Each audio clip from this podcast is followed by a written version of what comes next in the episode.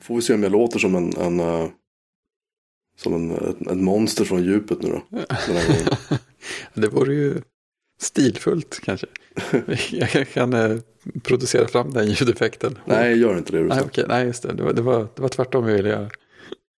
Hej kära lyssnare. Eh, det vi pratar om är, är min, min basiga stämma. Eh, jag lyssnade på oss själva i bilen på vägen hem idag och höll på att knäcka fönsterrutorna i bilen för att jag låter tydligen jättebasig och jättehögt. Det är inte så att du har väldigt mycket basresurser i själva billjudsystemet. Det är en Volvo. Nej, det tror jag inte. Nej, Nej. men eh, så att nu har jag flyttat micken 15 cm från munnen och dragit ner gainratten och så hoppas vi att det blir bättre. Vi vill inte göra illa era öron. Eller hur Fredrik? Nej, exakt. Och vi vill väldigt gärna höra om det låter dåligt också så att, så att vi vet om det. Ja, det, jag sa det precis innan att det, det är jag som gör den lilla klippningen och produceringen vi gör. Och eh, de enda gånger jag har fått klagomål genom tiderna med kodsnack har varit när det har låtit för lågt. Så det är i princip det som jag alltid går in för mest, att det ska låta tillräckligt högt. ja, att vi båda har samma ljudvolym Mm. tycker jag är viktigt. Så att, för att man hör vissa podcasts som den här Debug exempelvis. Där kan det vara så här en person som låter som de är sitter och pratar genom en, en, en taggtråd. Och sen en Ja, som sitter och ja. pratar du vet, med mikrofonen nedkörd i halsen i princip. Ja, ja, men det, man får höja och sänka, höja och sänka, höja. Det blir jätteirriterande. ja, det är jättejobbigt. Jag lyssnar på eh, en som heter Econ Talk också. Okej, Det är har jag en väldigt, väldigt bra ekonomipodcast. Det är en Stanford-professor tror jag som eh, håller i den som intervjuar folk om så här, forskning de har gjort och böcker de har skrivit. Och så där. Väldigt intressant, väldigt så här, allmän bred vy på vad ekonomi är. Eh, men i alla fall, där är det ju så här, det kan vara en 75-årig professor som, eh, som ringer från sin gamla ångdrivna Bell-telefon till- någon som pratar över Skype och har världens bästa mikrofon. Så där är det verkligen bra spridning på, på ljudkvaliteten. Vi, vi tar i alla fall ljudkvaliteten på stort allvar i den här Det gör vi. podcasten. Det gör vi. Eh, och du gör ett ypperligt jobb med att klippa den måste jag säga. Jag hade inte klarat av det. Det tror du bara. Eh, nej, jag hade faktiskt inte. Om du lyssnar på dem, lyssnar på de podcast, på de podcast jag spelade in själv när jag satt själv och bara mumlade i vad jag nu hade tillgängligt innan jag köpte den här fina jättemikrofonen jag har. Ja, Så pratade jag in i allt ifrån typ headsetet till min iPhone till, ja, och det lät ju inte bra. Då. nej, det, Mycket så här flåsa och mycket så här ah, tunga utandningar Ja. och harklingar. Och jag, jag la bara upp det som det var. Och det, det blev inte så bra alla gånger. Det var en förvånansvärt uppskattad podcast men det lät skit. helt ja, ja, men det, då har man ändå gjort saker i rätt ordning på något sätt. Det är lätt att tänka så här att man sitter och så här spelar in en grej och så, åh, det låter så hemskt, det låter så hemskt, det låter så hemskt. Och så släpper man aldrig någonting. Nej, alltså innehållet är det viktiga. Ja, men precis. Eh, Och på tal om innehåll, idag, vi, idag blir det en, en ganska existentiell ur ett nördperspektiv eh, podcast. Kan Ja. väl nästan säga. Det tror jag vi vågar Vi, säga. vi ska prata om, om dels om, om vår respektive personliga datorhistoria. Ja, Men också lite grann kopplade till dagens lite grann så här prylhysteri, hysteri, inte histori, hysteri.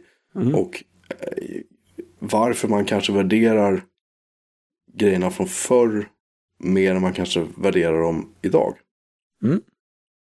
det Det här, blir, det här blir klurigt, men det blir kul. Ja, Så ska vi börja med, med dig. Du får Mm. berätta din första dator, Fredrik. ja, jag var ju tvungen att, eller jag, jag visste ju redan vilken min första dator var, men jag var tvungen att göra lite efterforskningar för att komma på när det var. För jag vet att min första dator var en Commodore 64. Ah, självklart. Och jag var rätt säker på att den var under lågstadiet. Och då pratar vi eh, åt, vad är det nu, 87 till 89. Eller ja, 90 blir det väl till och med. Ja. Jag måste tänkt snett där. Se, det är redan fel med åren. Men jag visste att det var en jul och att det var någonstans där i ålder och sen att, det, att jag hade vattkoppor. Och sen, sen hade jag inget att hänga upp på exakt vilket, vilken jul det var. Jag hade inte så här fotoalbumet eller något här i närheten. Men sen kom jag på att jag fick Batman the Movie, spelet, tillsammans med 64. Och då visade det sig att det spelet kom 89. Så då måste det varit 89 jag fick min första dator. Jag vill bara flika in att 1989 gick jag i nionde klass. Ja, Så du får mig att känna mig äldre. högutbildad. Ehm, men det är ganska, 89 är ganska sent för en Commodore 64 ändå. Alltså Ja. den, den, var ju, den kom ju 82 va? Ja, ja, men precis. Och jag tror att eh, det var nog redan på, alltså det var ju ganska många år innan det som jag hade kompisar som hade 64 och 128. Jag tror att den första så här, datorn jag kom i kontakt med så där, spelade spel på var en 128. Som eh, spelade typ Commando Bubble Bobble på. Wow. Ja, Bubble Bobble till 64, det ligger väldigt, det, det är bland de tidigaste så här, spelminnen som jag är liksom säker på vilket spel det var och att jag spelade det. Det var kul så. Det var jättekul faktiskt. Mm. Alltså det är kul med 128 för att den, det är som ett litet sidospår nu då, men den, vi pratade faktiskt om, diskuterade det här på, på min lilla BBS häromdagen. Ah. Att, att eh, många som köpte 128 efter 64 körde den ju i 64-läge i alla fall. Så det blev, Ja. liksom, det blev nästan som en statussymbol att ha en 128. Och de sålde ändå 5,5 miljoner exemplar av den Oj, här oj, oj. Ja, det är ju ganska imponerande med tanke Ja. på att den, att den marknaden var egentligen död. Och den kostade, så den, under en period kostade den en Commodore 28D, det är den som har inbyggd diskdrive. Ja, det hade ju inte den här, det är ganska Nej, nej, det är den vanliga. Den är skitsnygg. Den vanliga är Mm. supersnyggt designad. Faktiskt, jag såg den var med på någon topplista över typ så här tio snyggaste Ja. datorerna genom tiderna. Men 128D som hade då en, en diskdrive eller diskettstation på svenska. Den kostade typ 500 kronor mindre än en Amiga 500. när, när det var liksom innan de la ner den. Innan Ja. de rea ut den och så. Det var ju Ja. helt sinnessjukt att den fortfarande sålde så bra. Men i alla fall. Eh, Så 64 och sen Ja, sen, sen kom ju, um, sen var det en Amiga 500 Plus som nästa Åh. dator. Och den har jag inte heller lyckats komma på säkert vilket år. Men jag gissar på sommaren 92-ish. Så det var tajtare upp där. Det var, en, det var en sommar i alla fall. Det var en födelsedagspresent. Och Wings fanns redan, för det, det var medpackat med datorn. Så vet jag inte riktigt vad, vad det var mer jag hade att gå på det, men jag tror att det var där i trakterna. Just det. Ja, och båda datorerna var ju spel hela vägen och inget annat. Det följde med någon slags bok om Basic till 64. Så vi satt och skrev in ett långt program med en massa data på slutet och så här. Så skulle spela upp ett ljud och sen så lät det konstigt och så blev det fel och så tröttnade. Så att jag, all, alltid, jag har alltid velat göra spel men det tog lång tid innan jag började tro att eh, programmering var något jag kunde, kunde förstå mig på och faktiskt lyckas göra någonting med. Det, det kom långt senare. Ja. Ehm, och jag sitter faktiskt själv och funderar på lite grann. Så här, när fick jag mina datorer? Och jag Mm. försöker minnas men det, det är svårt. Ja, det är knepigt. Likadant. Sen, sen började det komma PC-datorer i, i hemmet. Så Amiga blev äldre och äldre och kunde göra mindre och mindre. Fast det, var ändå så grymt vad, vilka spel folk eh, krämade ur en, en Amiga. Oh, Wi- Wing Commander. Oj, oj. Ja, gud. Men det, det kommer jag ihåg. Jag, jag spelade Wing Commander på PC. Eller försökte spela Wing Ja. Commander på PC. Jag tyckte det var skittråkigt alltså. Ja, ja man, jag vet inte. Det var nästan man fick komma in i... Alltså jag blev på något sätt såld på hela stämningen. Att det kändes så här filmiskt stort. Påkostat på något sätt. Lite samma, alltså en del av samma känsla som finns i Wings också. Att det känns så här som en, som en helhetsupplevelse på något sätt. Jag, jag tror att det var för att jag för mig att Mark Hamill var med va? Var han inte det? Han, Ja, Wing Commander Luke. 3 var han med. Han var med just det i trean var just det. Mm. Men jag för mig att det var så skådisar med i någon Ja, eller några av dem i alla fall. Men Ja, det, jag, jag trean och framåt var ju filmsekvenser. Eh, Just det, jag hade, för jag hade en kollega som spelade alla Wing Commander-spelen Ja. han köpte speciella joysticks och var så helt Ja. inne i det. Och jag, Ja. Jag hade inte tålamod. Nej, nej Alltså, alltså, riktigt då. jag spelade ju ettan jättemycket på Amiga. Och det var helt fantastiskt. Sen spelade jag Wing Commander 3.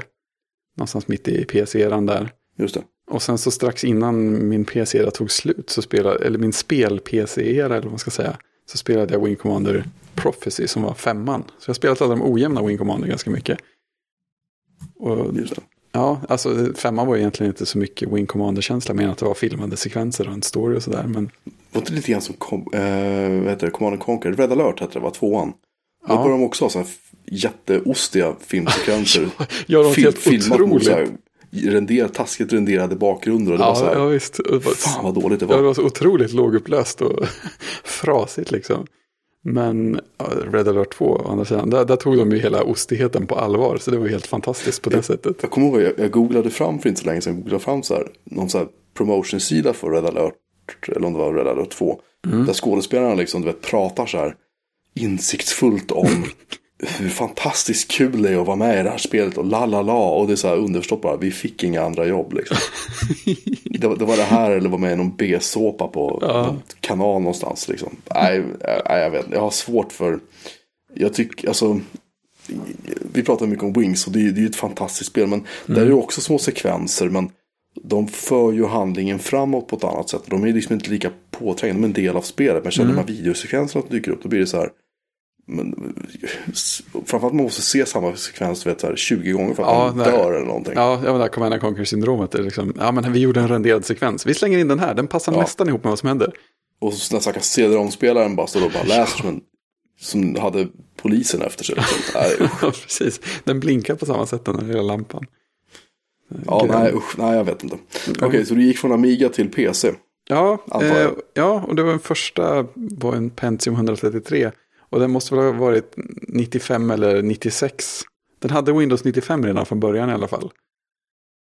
Ja, det måste ha varit 95, ja. Men Ja. det kom, jo, det kom ut 95, just det. Ja, det kom väl faktiskt samma år som de, som de sa. Just det. Eh, ja, men mitten av 90-talet där. Så då, då blir det ju första Command and Conquer och sådana där grejer. Fortfarande bara spela. Så började jag, just det, jag började väl så, så här. Det fanns ju fortfarande några stycken DOS-spel som man ville spela. Så då började jag så här mackla med AutoExec BAT och config sys och sånt där. Jag Jag, undrar jag, vad... beklagar, jag beklagar sorgen. Ja, precis. Jag måste få in drivrutinerna för ljudet, drivrutiner för Ja. musen och sen så måste jag kunna ladda spelet också. Precis. nej. Hur många K-ledigt blir det egentligen? Jag hittade någonstans som lyckades få upp typ 613 K-ledigt eller något. Fantastiskt. Det var inte så mycket jag skulle ha det till. Men Hymen.sys är din vän. ja, just det. Så det hette jag. Det kommer vi inte minnas.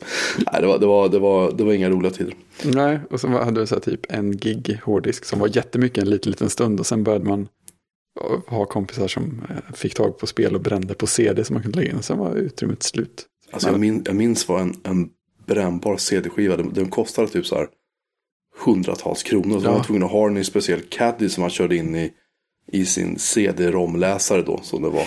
Och CD-ROM-brännare, det var ju liksom, det var inte ens tal. Det var, det var, ju, det var ju så dyrt så det var ju liksom Ja, det var helt otroligt dyrt. tusentals kronor vi Ja. pratar om. Jag, kommer till ett, jag, jag hann faktiskt eh, av någon anledning få första Quake på disketter och lägga in på datorn från disketter. Det, Just det. Det var inget man saknade när man hade gjort det. Det var så här 19 disketter eller något.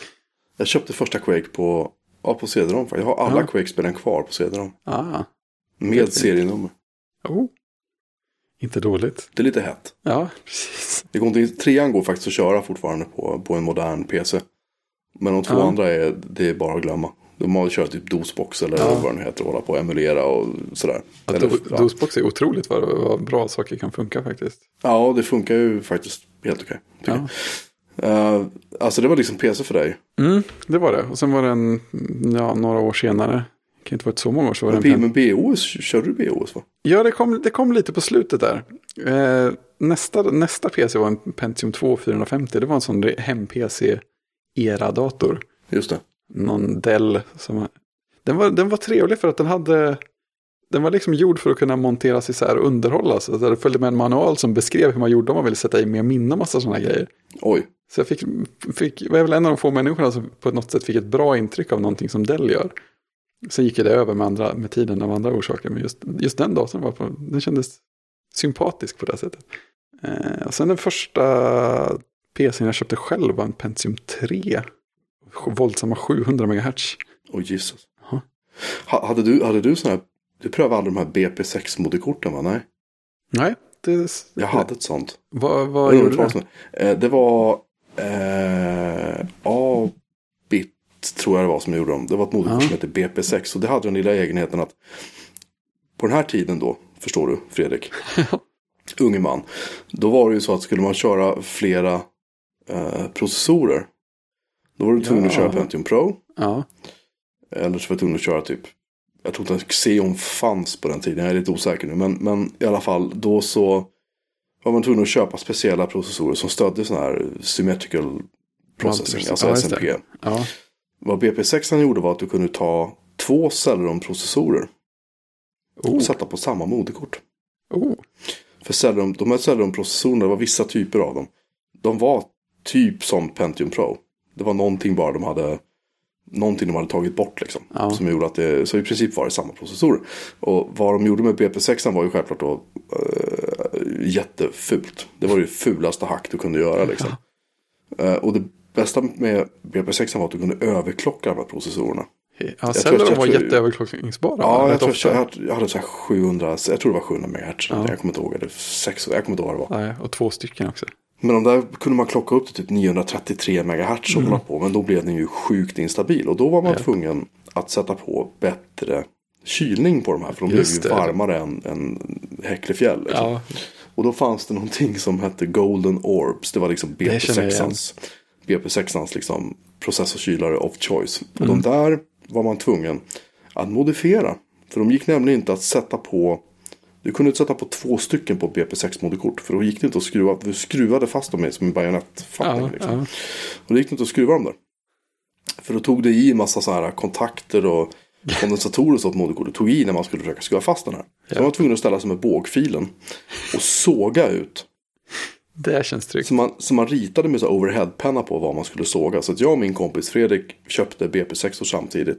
Ja. Köpte Golden Orb samtidigt. Det här var liksom, det var inga små pengar vi pratade om. Nej, det här var, verkligen inte. Det var, BP6 i sig var inte dyr. Cellonpropparna var inte dyr. Orbsen var inte dyra. Men de slog ihop allt det här. Ja. Så blev det ganska kostsamt. Mm. Eh, och då så ställde vi oss och med bågfilar sågade ut det här i timme efter timme. För de här var ju, det var ju liksom stål. Alltså de var, de var tunga. Mm. ja, De det var, ju, tunga det var ju rejäla grejer alltid. Ja, och du vet de vägde, vägde en kilo eller två stycken. Och då var jag så i princip Mm. tvungen att se till att du hade satt fast moderkortet ordentligt i lådan. Och du hade en stående tower. Vilket man ju självklart hade. Ja. För annars var risken att du skulle knäcka moderkortet när de här satt där. För de var så tunga. Jäklar, ja. Och sen i det självklart med fler fläktar utöver det. Och så i med lite så här ljuddämpningsmaterial. För det här lät ju som ett Ja. replan. Och allt det här för att i Windows 2000 Professional få upp två processormätare. Ja, ja, precis. Ja, jag, hade, en- jag hade faktiskt en kompis som körde Windows 2000 också. Och just det, Och- hade ett moderkort som stödde två processorer. Och så. Ja, och det, och det roliga med det här var liksom att, att typ inga av de spel man körde stödde ju två processorer. Nej, Men det spelade ingen roll. nej, nej, det var lite så. Och, och var det inte lite, Windows 2000 var väl lite sådär sämre med drivtidstöd och sånt också. Eh, det var ju alltså NT fast lite Ja, finare och lite ja. bättre. Det var Ja, liksom, men det kändes var ju, som att eh, han hade problem. Det var, det var en del spel som, han, som inte funkade på hans dator. Ja, men det var det. Det var, det var, det var ganska, alltså i och med att Windows 2000 var ju 32-bitars OS. Mm, det var ju sådär modernt. Eh, precis. Eh, och det var ju då inte föregångaren då. nej, eh, inte alls. Eh, 98. Windows 98 och Windows ME och alla de där olycksaliga konstruktionerna. hem- Men sen med XP blev det här självklart bättre. För då slog de ihop Mm. det här. Men det är ju en annan historia. Men i alla fall, eh, det var min lilla utläggning om, om A-bits BP6 Ja, moderkort. jag hade där, aldrig någon dator med flera processorer. Nej, de där moderkorten kan jag också nämna att de hade skitdåliga kondensatorer på. Så de började läcka efter några år. Och eh, jag har inte kvar mitt, men min kompis Fredrik har kvar sitt. Och han har liksom bytt kondensatorerna på moderkortet. Och den funkar fortfarande. Det, det är ändå rätt bra. filserver än idag. Det är ganska välgjort. Vilken processorhastighet kör han nu? Eh, jag kommer inte ihåg, jag tror han klockade ner den där ganska ordentligt. För den lät ju så fruktansvärt högt liksom. Alltså, de där Orbsen var ju duktiga på kyla, men de lät ju. Som sagt, Ja, nämnde jag att den lät. I alla fall. Ehm, så du körde BOS och du körde Linux och ja, antar jag. ja det blev sådana korta, korta ryck med Linux. Ja. Eh, och sådär. Och, Nu kommer det att funka.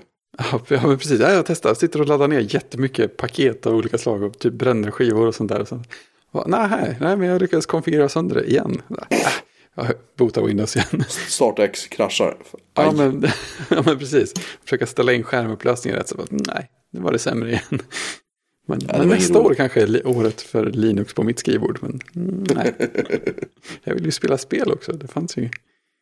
Ja, sen, ja, just det, så lekte jag lite med Lightstep också. Det var också sådana här roligt småpyssel. Man kunde inte, kunde inte ha sönder riktigt lika mycket saker där. Men det var ju, vad ska man säga, det var en ersättare för eh, Explore.exe eller något sånt där Just det. en av de här huvudprocesserna som liksom har hand om hela skrivbordet och så i Windows kunde man byta ut mot Lightstep och så kunde man skriva massa textfiler och ställa in och ha små Next-aktiga dockor och sådana där grejer. Just det. Just det. Jag, jag tror att jag prövade det väldigt snabbt och kände bara att det här orkar jag inte med. Nej, det var, det var ju lite som Linux. Det är ju mer en, mer en hobby än något man bara har och använder. Men, Nej, jag, jag kände, usch, nej det var jobbigt. Ja, vad hände sen då? Ja, vad hände sen? Sen blev min, eh, min dator gradvis äldre och så blev det färre och färre, färre spel som gick att köra på den. Sen så köpte jag en Xbox tror jag istället för att lägga mer pengar på en, en ny spel-PC. Ha, hackade du din Xbox? Nej, jag gjorde aldrig det. Faktiskt. Det kanske visar hur mycket jag har förfallit som spelare sedan dess. Skämmes. Ja, men lite, lite så. Jag, jag, är fort, jag, jag är sån att jag tänker, som går runt och tänker, ja men jag borde ju spela fler spel egentligen. Det är ju en bra sådär kulturell grej att göra. Så, ja, det fanns ju en tid jag hade lite koll på spel, det hade varit kul att ha igen. Så, men eh, sen så bröt jag ju plötsligt ut i eh, Mac. Där 2004. Och där fanns ju inga spel. Nej, precis. Det, det, jag menar, det, precis, spelen tog ju slut först. Och sen så plötsligt så, det var på något sätt, ja, det här är en dator som är liksom fin och helhet och funkar och som har någon slags Linux-aktigt bakom. Det verkar ju spännande. Och så har det ett mycket glassigare UI. Massor med Aqua, just det. Ja, just det, Aqua, just det. Mm. Så Nej, det, var, det, var, det var inget spel-OS. Nej, verkligen inte. Även om de gärna ville så här, kolla den har OPG och nu kan vi köra Quake 3, yay! Ja, precis. Här är Halo. Nej, vänta, någon annan köpte det. Nej, precis. Ja, det, var, det var ganska spännande, för de utvecklade ju Halo på Ja, jättelänge. G5 år tror jag va? Ja, något sånt där.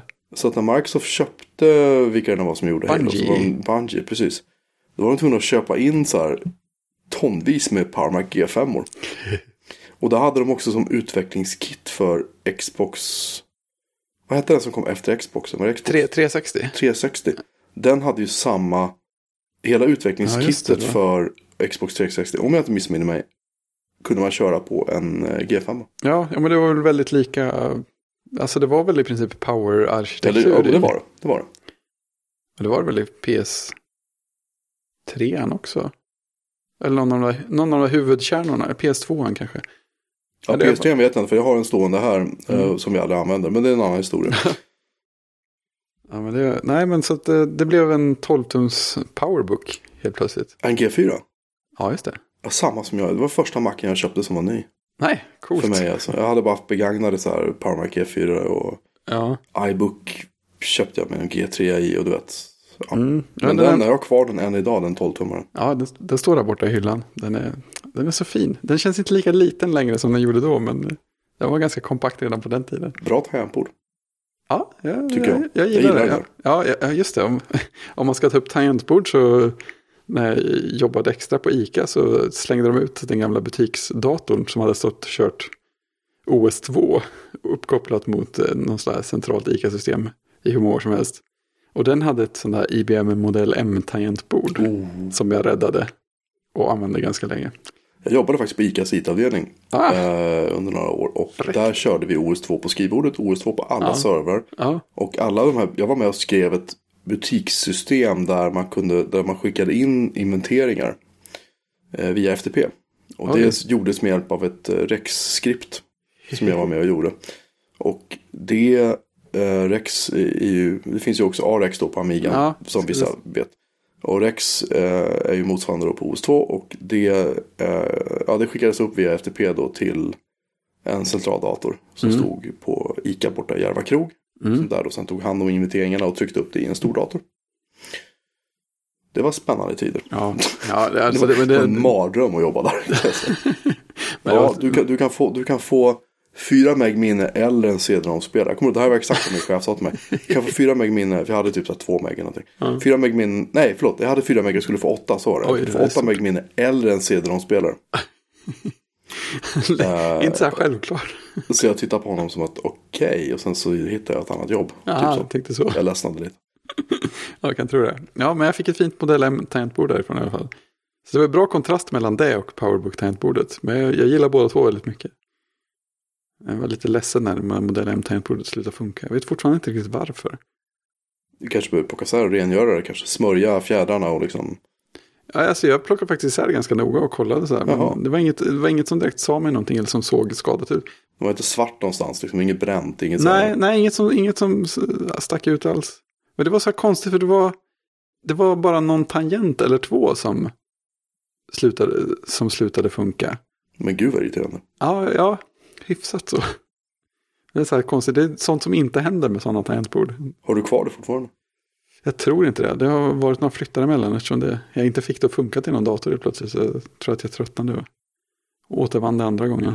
Ja, det är väl lika bra. Ja, jag är rädd för det. Men det är... Av, av alla de här datorerna nu som vi har gått igenom i Mm. din historia. Och då räknar vi inte med iOS-prylar. Nej. För de är lite för nya egentligen. Men Precis. hur många av de här har du kvar? Eh, ja, jo, jag har ju faktiskt på 64 Amigan, ja, och sen alla mackar framåt. Mm. Så det, är det, är- det är ju PC-maskinerna som, eh, som försvann utan någon speciell saknad. Man är inte lika nostalgisk. Nej, nej, men, nej, nej, men det är ju det. Alltså, men det, det hänger väl mycket på den här, var den här tidsperioden då hårdvaran utvecklades så fort. Så att så fort man köpte en dator så var den gammal ett par veckor senare. Då blir det ju ingen direkt nostalgi för det. Nej, och så jag, för jag minns att man kunde köpa, man köpte typ, kommer du ihåg med Voodoo 2 grafikkorten? Ja, jag köpte ett sånt. Oj, oj. Ja, jag hade två för man kunde seriekoppla. Ja, just det. SLI. Precis, det var Scanline. Interleaving. Oj, Just det, men det var bara vissa spel som stödde det. Men det var så här, Ja. man visste aldrig riktigt vilka det var. Jag tror, jag tror typ Quake 2 stödde det. Ja. Jag kan ärligt säga att jag märkte ingen som helst skillnad. Eh, men, det, men det var häftigt. Jag hade det faktiskt i den här BP6 som jag nämnde. Den datorn där så hade jag Oh. två stycken Voodoo 2 grafikkort. Oj, oj. Och sen kom Voodoo 3 grafikkortet som var stort som ett matsalsbord och var helt kass. Och sen började liksom ATI och de här började komma. Och, och, Ja, Nvidia. Mm, Nvidia, precis. Jag hade också ett, jag hade grafikkort från Number 9 ganska länge. Ja, just Och det. det var Number en sån. 9, jag tror inte att de finns längre. Jag tror att Matrox köpte dem. Ja, just det. Men Number 9 gjorde så här grafikkort som var inte snabbast. Och liksom inte coolast så. Men på varje grafikkort så hade de eh, något coolt, någon cool slogan tryckt. Ja, Eh, Roligt. Man hade typ något, något 9 som var typ så här, det skulle vara 64 bitars då. Frågar mig inte hur det gick till. Men de, och då var det då When I'm 64 stod det då tryckt på. Snyggt. Och sen på något annat kort så stod det typ så här Your ticket to ride. Och liksom, de hade så här. Ja, number nine ticket to ride. Ja, det Ja, men, ja, men, ja, men, nej, det hette inte det. Det var bara, det var bara tryckt på liksom. Det var skitkul. Ja. Eh, men sagt, coola grafikkort men inte, kanske inte bra ur spelsynpunkt då. Sådär.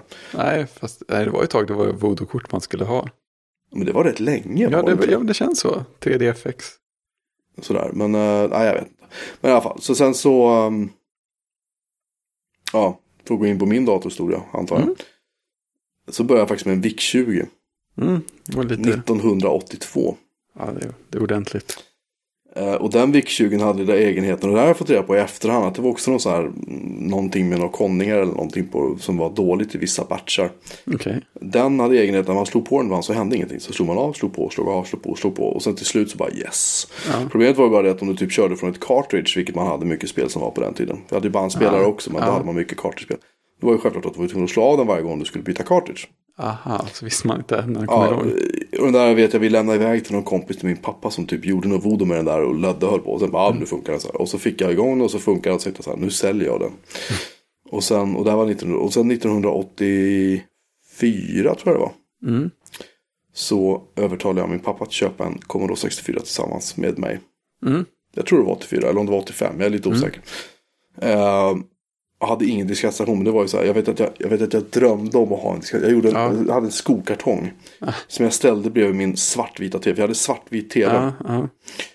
eh, till det här. Eh, och så liksom ställde jag skokartongen, så hade jag typ så två disketter som jag hade hittat någonstans. Så jag tänkte att där ska jag ha mina disketter. Ja, och, där, ska- och så typ så här rita in, där ska diskettsstationen stå. Ja. Men diskettsstationen, det var ju 1541, de kostade alltså lika mycket som en Commodore 64 gjorde. ja. Jag hade en kompis som hade diskettstation. Var, ja, jag hade också en kompis som han hade, så han, han hade en C64, han hade 1541 och så hade han en Commodore-skärm. Oj. Hans pappa jobbade på någon sån här, Ja. han tjänade svin mycket pengar. Ja. Jag var så avundsjuk. Eh, och så skrev jag, och så sa jag, nu ska jag skriva Load. För nu ska jag ladda Ja, från min just det. bandstation. Nej, det var, men, men, det var jättekul. Ja, det var... Jag hade en, en icke Commodore bandare också som var lite så här, Ja. skulle vara lite snabbare. Skulle man typ så här ändra tonhuvudet och. Ja, just det. Du hade en sån här liten röd, eh, röda lampor som fyllde, fyllde i. Nej, jag, nej, det hade Det var inte. som en liten röd mätare på min. Så när man vred och så här så skulle den ja, motsvara någon slags Ja. läskvalitet antar jag. Jag vet inte om det Nej, spelar någon roll lyx hade inte egentligen. jag så här, utan jag hade, jag, hade, jag hade bara en skruv. Ja, Och så fick man skruv och så råkade man, för man, ibland när man fick låna band av kompisar så kassettband då så var man tvungen att ställa om det där för de hade självklart gjort fel då. Mm. Alla andra hade gjort fel förutom jag. ja, det är klart. Men den hade jag fram till 1988 tror jag det var. Mm. Och då sålde jag den till någon snubbe som bodde i Gnesta där jag bodde på den tiden. Och jag och min idiot då sålde ju också med alla datortidningar jag hade. Oh, tråkigt. Alla, eh, ja, jag kommer till det lite senare. Ja, alla ja. datamagasin, alla oberoende computer och alla hemdatorhacking. Alla de där hade jag, sålde jag med då. Och sen för hade jag bestämt mig för att nu ska jag bli som alla andra grabbar. Nu ska jag köra moppe. Aha. För det gjorde man i Gnesta. Eh, och så ska jag ehm, köra moppe. Så jag ska inte ha någon dator. För det var ju så här. Man fick ju inga brudar när man hade Nej. dator. Så, så, jag, så jag och min idiot då självklart då när jag fyller 15. eh, Jag och min pappa igen gör ett köp ihop. Och jag köper då en flakmoppe. Ja. Jag, hade typ, jag, jag jobbade som DJ på fritidsgården och tänkte att det är bra. Då kan jag köra skivor till min spelning. Jag hade någon sorts bild att ja, det finns en rulla tanke upp, i där. min, rulla upp i min flaka där med mina skivbackar och bara så här yeah. Eh, Det blev ju inte riktigt så då. Eh, och sen eh, när mina föräldrar skilde sig då i samma år.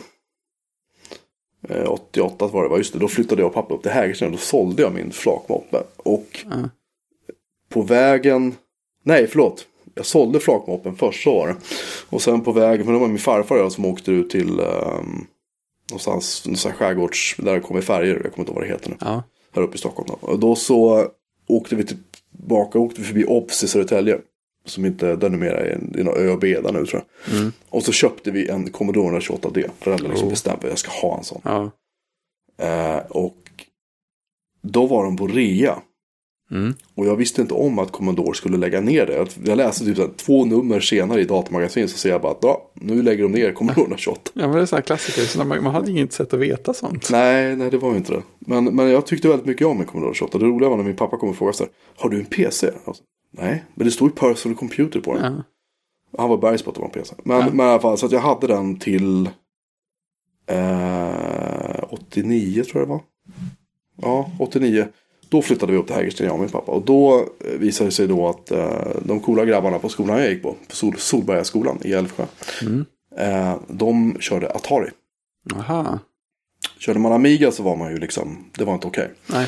Det var några som gjorde det och de, de var ju, De man var, ju- de kunde man inte prata med. Nej. Så då köpte jag en Atari ST520. Mm. Med en eh, enkelsidig diskettstation. Sen fick jag Oj. köpa till en dubbelsidig extern diskettstation. Eh, och jag tror också att jag byggde ut, nej jag byggde aldrig ut minnet på den, så var det. För det var så hiskans dyrt. Ja, hur mycket var det från början? En halv? En halv meg var det Ja. på den. Ehm, och den hade jag tills... För jag och min pappa trivdes inget vidare uppe i Hägersten. För det var så typ så här, efter två nätter var någon som blev skjuten i porten intill. Och det var, så här, Nej. det var lite så här, det var lite rough på, på Tångvägen som Ja, det hette, ja. i Hägersten på den tiden. Eh, så vi bestämde oss för att vi flyttade tillbaka till Gnesta igen. Mm. För det, var, det här var ju också bankkris och Ja, finanskris just i så Sverige. Så att ja. då var det ingen som hade råd att köpa hus. Nej, det var lite Vårt hus stod kvar. Och vi ägde fortfarande så vi flyttade in där. Ja, Och då Smidigt. krängde jag av min Atari och köpte min älskade Amiga 500. Ja. Från en kille uppe i Stockholm som inte hade något kvitto och ingen kartong. Aha, ja, det var det du Och nämnde. jag ställde, ja, precis, och jag ställde inga frågor. Nej. Eh, så den, och så, jag tror jag fick med extra minne till den också. Just det, jag hade en megabyte i den. Vad var det som gjorde där- att du ville växla från uh, Atarin till Amigan? Alltså, nej, men grejen var att när jag flyttade ner till Gnesta igen, det var ingen som hade Atari. Nej, det var så enkelt. Mm. Ja. Och jag hade önskat mig en Amiga i många, många år. Mm. Jag vet att jag hade min 64. Och så åkte mina föräldrar iväg till Tunisien. Och, då, och vi barn fick inte åka med. Vi var skitsura över det. Så sa de att nej men. Ni ska få så här. Ni ska få. Jag och min bror. Min bror är ett år yngre än mig. Ni ska få så här någonting fint. Och då hade jag bara fått för mig att jag kommer få en Amiga 500. Så jag ritade upp på mitt skrivbord. Ritade jag måtten för exakt att min Amiga skulle stå. Och sen kom jag hem och säger min pappa. Ja Jocke. Du får. Nu är 64 din. Och så får din bror en exakt likadan. Och så fick han en vit så här Commodore 64. Deras, vet, som, var i, som var i brödburk. De hade ju släppt en ny, en ny designad. Den hette ju Ah. Commodore 64C tror jag. Men sen Aha. började de släppa den här vita gamla brödburken igen. Då hade de lackat de vita. I någon sorts budget-budget liksom. Med en sån här ful joystick och, och något fotbollsspel som var ett värdelöst. Uh. Och det fick min bror. Ja.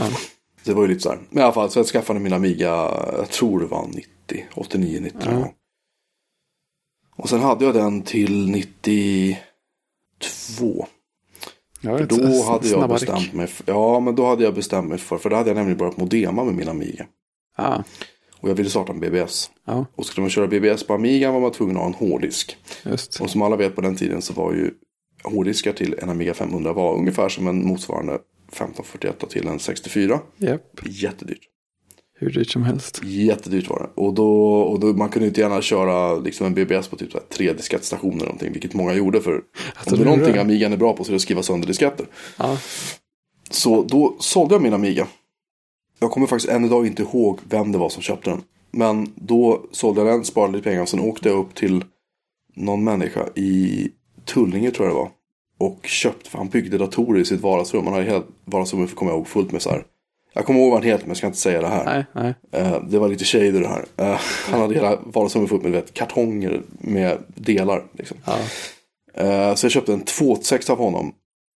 På 12 MHz. oh, Med turboläge så man kunde få upp den i 16 MHz. oh, det är stort. Och med en 44 megabyte IDEO-disk. Och det var alltså inte IDEO-disk som vi pratar om IDE. Utan det var det här som kallas för X3. eller Alltså sån här 8-bitars IDE tror jag det är. Den är jättekonstig. Med ett speciellt IDE-kort som var hur dåligt som helst. Men den i alla fall körde jag sedermera en BBS på. Och i den hade jag sånt där monokront, eller vad som kallas för Hercules-grafik. Ja, Fortfarande alltså, för jag hade också, jag hade färg-tv till min Commodore 28, till Atari och till Amigan. Och sen gick jag tillbaka till monokront igen. För Ja. jag tänkte att nej men jag ska ju inte spela något spel. nej just det. Det fanns vissa spel till den här PCn som man kunde köra, men de såg ut som, som ja, inget bra. Nej, det fanns ju några spel som gick att köra i sådana där konstiga lägen. Precis. Och så hade man så spelat spel på, på Amigan. Och så gick man in till kompisens pappas PC och spelade och spel. Så bara, varför, varför, varför har folk sådana datorer? Allt är så fult. Och, Ja, men så- det så vad låter hade- så dåligt. Ja, men typ, så så vet du, hade CGA-grafik Ja, till PC. ja. Det var så här, vad, det, här, det ser ju värre ut än en Nintendo 8-bitars. ja, men, ja, men visst. Helt värdelöst. Ja, Men i alla fall sen så. Så byggde jag, jag byggde, byggde in den här 286 i en låda. Och så till slut så hade jag sparat ihop så mycket pengar. Så jag kunde köpa en 386 SX oh, på 16 MHz. wow. Det är Och stort. hade, ja det var stort. Jag hade 4 meg minne på den. Och då S6 var ju då den som inte hade en sån här matteprocessor. Ja, det var DX det var. eller som hade... DX hade det inbyggt tror jag. Ja. S6 kunde man stoppa in det på en liten plats på moderkortet. Mm. Och sen köpte jag av min kompis Karl-Henry som jobbade på IDG då på Computer Sweden. Köpte jag en Samsung VGA. Jag fick 800 gånger 600 och fick låna ett Wow. VGA-kort av min kompis Kalle. Wow. Då hade jag färggrafik för första gången på en PC. I 800 gånger 600, det är stort. Ja, jag tror man kunde få upp den i 24 768 men det, det, fun- det var så jättekonstigt. Det funkar inte ordentligt. Nej. Ehm, och sen. Den här måste jag tänka efter lite. Den hade jag. Till. Jag hade den rätt länge tror jag. Men sen flyttade jag till Norge och pluggade ett år. Så jag kom hem. Det här var alltså 93 jag flyttade till Norge. Jag kom hem igen 94. Eh, jag vet inte var den där 286 tog vägen. 386 hade jag kvar i alla fall vet jag. Och då började jag jobba på IDG också. Mm. Som PC-samordnare. Och då så skaffade jag snart en, en 486. En DX4 100. För de som 100 alltså. minns vad det är. Det var alltså en eh, Det var alltså en uppgraderingskit på alltså 100 MHz 486. Som man kunde sätta på vanliga 486 moderkort. Med inte alltid önskvärt resultat. Jag skrev, skrev också ett test på det här i Computer Sweden. Ja. Eh, där Intels dåvarande PR-chef sen ringde och skällde ut chefredaktören på Computer Sweden så mycket så att de var tvungna att lägga in en rättelse i numret efteråt. Trots att jag faktiskt hade haft rätt. Och de sa så här, jo men du har rätt. Men de är så stora annonsörer inte så att vi vågar inte. De var ordagrant vad de sa till mig. ja, det är, var ärligt i alla fall. Ja, det var, det var lite så här, ja, ja okej. Och sen blev det ett Pentium 2 och sen blev det en sista PC jag hade som jag byggde själv. Det var en Pentium 3 också med dubbla processorer. Just jag hade den här BP6 här någonstans. Efter Pentium 2 hade jag BP6, just det. För det, BP6 var ju typ som en Pentium 3. Ja, just det. Fast det Tror var jag. Celeron. Ja, cell, ja förlåt. Celeron-propparna var ungefär som en, en Pentium 3. fast det var så. mindre cache, jag kommer inte ihåg vad fan det var. Men i alla fall, Pentium 3 kunde man ju då köra i SMP-läge. Så köpte jag, jag byggde en sån. Och köpte bästa moderkort. Jag köpte liksom bästa grafikkortet. Du vet. Ah, bara maxade ut den där. Ja. Och jag tror jag la 10 000 spänn. Köpte en 24 tum Samsung CRT 22 eller 24 tum. Den var Oj, gigantisk. oj, oj. Ja, det är helt fantastiskt stort. Och allt det här körde jag till den dagen då jag fick för mig att jag skulle köpa en Powerbook G3 med det här koppar. Vet en Lombard heter den va? Lombard. Med det här kopparfärgade tangentbordet. Jag tror den Ja. heter Lombard. Och så testade jag OS9 på den. Som jag tyckte Mm. det här är värdelöst. Och sen fick jag tag i OS10. Körde det och var bara yes, Mm. nu vill jag köra. Men problemet var att den här G3 var ju så slö. Ja, Så då fick jag ett ryck och så köpte jag en eh, PowerMac G4 733 MHz begagnad av Martin Björnström som då drev 99 Mac. ja. Och så, så startade det också. Och som också höll på med någon så här. eh, Han köpte konkursbon och sånt. Och sen sålde han grejerna svindyrt till sina polare. Däribland mig då. Jag betalade nog ett litet överpris för den här. Men jag tyckte väldigt Ja. mycket om den här maskinen. ja. Eh, och sen en vacker dag så fick jag ett ryck. Och tänkte att nu, för då hade de precis lanserat Powerbook G4 12-tummaren. då. ja. Och det här var ju alltså innan de hade rebompat 15-tummare. Kommer 15-tummaren hade det gamla titaniumskalet ja i typ ett det var år. 12 och 17 som de 12 och 17 var de Ja. lanserade. Och 17-tummaren var ju bara, oh den var Ja, jättedyr, den den vill jag hur gärna ha. stor- Men jag tänkte jag köper 12-tummaren liksom, för den såg ball ut. Ja. Och då var, fick jag en ryck och tänkte att jag ska, jag ska bara ha den här 12-tummaren mitt på bordet och ingenting annat. Mm. Så då krängde jag av min Pentium 3 till min dåvarande chef på datamagasin. För jag hade nämligen börjat jobba på datamagasin. Ja, Så han köpte den. Och skärmen sålde jag till en polare sådär snuskigt billigt. För jag ville bara bli av med grejerna liksom. ja, ja. Rensa. Dumma jag liksom. Eh, och sen så satt jag där med min 12-tummare och tyckte livet var skitbra. Ja. Tills dess att de släppte en uppgradering till OS 10, 10.2 tror jag det var. Mm. Då de ändrade gränsvärdena för när fläkten skulle igång på en 12-tummare. För de blir ju väldigt varma. Ja, du blev ganska, ganska heta då. då. Ja, och den här fläkten gick oavbrutet efter det. Ja, så, så illa var den inte för mig. Men eh, de blev ju varma. Man blev så här svettig om handlederna på sommaren. Men det var väl liksom, det är väl egentligen min dator. Och grejen är att av alla de här datorerna jag har räknat upp nu. Mm. Den enda jag har kvar är min Powerbook G4. För att alla Ja. Amigos och jag, de har jag köpt efteråt. Ja, just det. det, För jag det hade liksom aldrig råd att behålla grejerna och bara köpa nytt hela tiden. Utan Jag Nej. var tvungen att sälja för att kunna uppgradera mig. Ja, liksom. men precis. Du hade de här mycket kortare uppgraderingscyklerna. Då, då blir det väl att man gör sig av med grejerna oftare också. Ja, fast, fast, ja, precis. Fast grejen var att du och jag kom in i lite olika tror jag, åldersmässigt också. För att jag hade ju liksom Ja, ja. varit med i hela den här hemdatorfasen. Gled in på PC-maskinerna. Och som du sa, utvecklingen på PC-sidan var ju liksom explosiv. Ja, När jag satt med min 286, då hade mina polare 386. När jag fick äntligen råd att köpa en 386, då hade polarna 486. Mm. Eller ännu värre 386 med typ så här, du vet, 8 meg minne liksom. helt Ja, men, och jag körde ju, det var ju först när jag, när jag byggde ihop min 486 och lånade hem ett SCSI-kort från, från IDG som jag jobbat på som PC-samordnare då, som jag kunde köra Nextstep. Ja, det var där du körde det. Ja, som funkade. Jag körde senare också på Spark-maskiner och sådär som jag hade. Körde jag OpenStep då, men men eh, jag körde Nextstep, jag körde BOS jättemycket. Det sista, det körde jag på Pentium 2 och på Pentium 3 körde jag mycket BOS. Ja, jag körde så OS 2 fint. körde jag på min 386.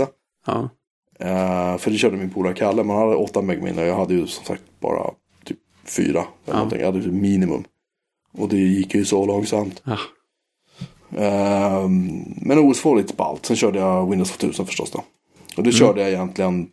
Eh, jag körde till och med på min Pentium 3 jag faktiskt körde Windows 2000. Jag kommer inte ihåg exakt om det, eller om det var, nej jag körde nog inte XP på den. Jag körde nog 2000 på den tror jag. Det fanns väl ingen stor an- anledning att köra XP om, man, om 2000 funkade bra, eller? Var det man Nej, ville spela men- ännu fler spel kanske? Möjligtvis. Ja, nej precis. Jag kommer inte ihåg när XP kom. Det var när efter jag hade sålt min Pentium 3 tror jag. Jag menar, jag kunde Var komma inte XP det- 90, var det inte precis- nej 2000. ja var det? 2001 kanske. Ja, det kanske var. Ish. Just det, men det kan nog stämma det. Ja. Just det. Uh, nej, i alla fall. Så att av alla de här grejerna så, som jag har. Förutom att jag har kvar alla programkartonger för Nextstep och BOS och allt det här. Så har jag faktiskt köpt på mig ett gäng Amigor efteråt. Jag hade en 128 som jag krängde av för jag använde den aldrig. Jag tänkte, jag gillar inte att stapla grejer på hög sådär. Men ehm, jag hade gärna haft en 64 igen. Jag hade gärna haft en 128D en gång till. Men de är jättedyra. Men Ja, hur dyra är de? eh, alltså de kostar. En bra 128D får du ge oss mellan 5 och 8 tusen för begagnade. Ja, det är några kronor. Det är några kronor, för de är ganska sällsynta. Det finns olika varianter också. Eh, Det finns en som är i plast, som är eh, med fläkt. Ja, Som gärna gulnar och som är lite grann... eh, Jag ska inte uttala mig om vilken som är liksom mest eftertraktad så. Men, men den jag hade, den jag köpte när jag var grabb själv. Det var den i plåt. För den hade oh, ingen fläkt. Och så hade den... fläktlöshet. Det är så härligt. men den hade inget bärhandtag heller, kommer jag ihåg. Ja. 128 hade, första 128 delen hade ett bärhandtag som man kunde fästa tangentbordet på undersidan och bära med sig dem. Jag tror inte någon gjorde det, men det är sak Ja, samma. men lite som att första Macen hade ett handtag. Eller typ iMacen hade ett handtag. Ja, fast ehm, det hade även Parmac G3 och G4 också. Och G5 och Mac Pro hade bärhandtag. Och första Macen hade ett bärhandtag. Ja, jo, men det, 84 när den kom. men det var, vi- vissa, vissa av lådorna kändes sig kanske mer motiverat än andra. Jag, Ja, vet, jo. jag vet inte hur ofta man använder bärhandtaget på iMacen. Det var oftare än vad man trodde. För de, man, kanske man var. kunde bara flytta runt ganska mycket. Men jag minns just att de hade. När de släppte Parmac G5 så hade de som en slogan. Det var så här att. Jo men vi har handtag på den. Så att, så att du kan. Du kan lätt flytta in den i ditt hörnkontor när du blir befordrad. Det var något sånt där. Det är det vanligaste use caset. Jag köpte, jag hade faktiskt den första Parmac G5. Den här eh, 1,6 GHz. Oh, Um, Monster. Ja den var ball. Men den hade en bugg. jaha. Um, och det var att när man surfade in på YouTube. Och skulle spela en film så hängde den sig. Ja, det var, det var en del av det här med vi gillar inte Flash riktigt. Ja, nej, ja, ja, ja, det är möjligt att det var, men jag vet inte, men hur som helst. ehm, jag var inne på Apple Support Forum och det var många av oss som postade om det här. Och det var på den tiden då Apple gick in och raderade trådar i supportforumet så de tänkte att det här ska vi inte prata om. Jaha. Så, sh, så här, bort, bort. Eh, men det slutade med att jag, för då hade jag startat Mac Pro också. Och då skrev jag om det på min blogg så mycket så att PR-killen på Apple ringde upp mig och var så här, okej, vi hjälper dig. Så att jag fick en ny dubbel 1,8 GHz G5. Och sen så glömde Apple att hämta den 1,6. Så jag ringde dem till slut och bara sa så ska ni hämta datorn eller? Jaha, står den kvar? Var svaret då. För det var liksom, det var så ingen som ville ta den. Men till slut så kom de och hämtade den. För jag tänkte, jag tänker inte sitta här och hålla på den. Nej, det känns Det konstigt. känns så dumt liksom. Ja. När de ändå varit schyssta och hjälpt mig. Ja, visst. Eh, och jag vet att många fick dina, sina 1,6 utbytta sen. Det var liksom, men det var aldrig ett officiellt återkallelseprogram. Utan de var liksom tvungna att tjata lite och så till slut så hände något liksom. Ja. Men, eh, nej, men det var... Ja, och den har jag inte heller. Jag hade en 1,6 kvar, men det var inte den. Var en annan 1,6 som jag fick sen, men den var också helt värdelös. Mm. Tyvärr. Eh, men det för oss in lite grann på diskussionen just så här. Prylar som man har köpt genom Mm. åren. Som man använder eller inte använder. Och liksom vilka så här, köp ångrar man och vilka så här, köp tänker man att varför sålde jag? Alltså, eller sålde, tror jag det uttalar. Jag får alltid gnäll för att jag säger sålde. Jag inte tror jag säger sålde också. jag vet inte, jag, mina, mina barn brukar håna mig när jag säger sålde. Sålde, vilka, vilka sålde Alltså. man? Och det är ju, vad tycker du? Alltså, och även prylar du har nu. Alla prylar. Inte bara de vi räknar upp här. Ja, Är det några du ångrar? att jag har köpt. Ja. Eh, jag, köp, jag köpte faktiskt en, en bildskärm så sent som i somras som jag ångrade mig ganska direkt. Men den, den sålde jag av i slutet på sommaren. Vad var det för bildskärm? Ja, det var en, en 27-tums så här, A- Asus tror jag det var. En, jag var det, sån här 25, 50, 14, 40. Men det var, det var så här, jag, jag fick någon slags ryck så här, ja, men nu har jag köpt ett bra, ett bra skrivbord då hemma som är höj och sänkbart så här. Det är klart jag ska ha en trevlig skärm på det. Och så köpte jag liksom skärmen nästan samtidigt som skrivbordet. Och sen så kom jag på att ja, men nästa dator jag tänker köpa, jag vet ju redan att jag vill köpa en ny Macbook. För det är så här, ja men jag hade Macbook Air innan. Det enda jag har liksom velat uppgradera med är en Retina-skärm. Och så blir det, ja men om jag köper en dator med Retina-skärm, då vill jag ju ha en Retina-skärm till skrivbordet. Om jag har en skärm alls. Och då var det så här, ja den här skärmen är inte riktigt rätt för det. Och sen hade den lite andra sådana små, bara sådana riktigt små glitchar som säkert bara jag i hela världen störde mig på. Så det var så här, ja, det har liksom förstört känslan för skärmen fastän den var bra på allt annat den gjorde. Så att eh, det, det jag, alltså jag får nog, om jag funderar lite till kommer jag nog på några andra grejer som jag kanske ångrar. Men den där var jag i alla fall nöjd med för att jag ångrade och sen gjorde något åt det. Hade du så här Palm, så handdatorer och sådana grejer? Ja, Jag hade en Palm, vad heter den, 3E, var det var, ekonomi. Okej. Den med som var genomskinlig plast. Jaha, Den okej. riktiga budgetmodellen. Okej. Ja, ja, Jag ja. hade några kompisar som hade de här fin, fintreorna och sådär. De, de var ju så fina. Det, Jag hade, ehm, det fanns ju den första Palm Pilot och så fanns det en Palm Pilot Professional tror jag det var. Och jag för mig att de såg ut ungefär likadant. ja, Eh, och jag hade självklart sneak-varianten. Och så såg jag någon på tunnelbanan som hade vunnit en Palm Pilot Professional. Han stod och höll sin kartong då. och Jag höll på att dö av avundsjuka. Men jag hade också massa så här Palm. Men jag vet ju att jag, jag köpte dem eller fick dem eller vad det var. Och, och liksom bara kände så här att. Efter ett tag så kunde man känna så här, vad ska jag med den här till liksom? Alltså man, och då, Ja. då krängde jag av dem bara. För jag kände att jag har ingen användning för dem. Nej, Jag använde den faktiskt min rätt hyfsat tills den gick sönder. Så här, Jag jag, hade, jag slet ganska hårt på den. Typ jag hade den. eh, vad hade jag med? Jag hade så här, eh, ja, Pocket PC hade jag förstås ett par också. Mm. Och det var ju, det var ju verkligen som att ja, riva sönder tusenlappar i duschen. Alltså det, var, det, var, det var inte roligt. De var, de var Nej. superdåliga. Jag hade en QTech 2020 tror jag var en Windows Mobile. Eller Windows, vad hette det på den tiden? Hette det Windows Mobile då tror jag. Ja, som alltså en handdator med inbyggd telefon i. Och den använde jag supermycket. Och den, den gillade jag faktiskt konstigt. Fast den typ kunde krascha mitt under samtal och sånt där. Aj, Så tyckte jag den var rätt okej. Ja, liksom. men vissa, vissa grejer slår an någon slags känsla. Och, så, så man trivs med den, även om det, ja, men den är lite bråkig. Men det, det blir nästan som att den har en personlighet istället för att man stör sig på att nu kraschar den igen. hade, hade du den första iPhone?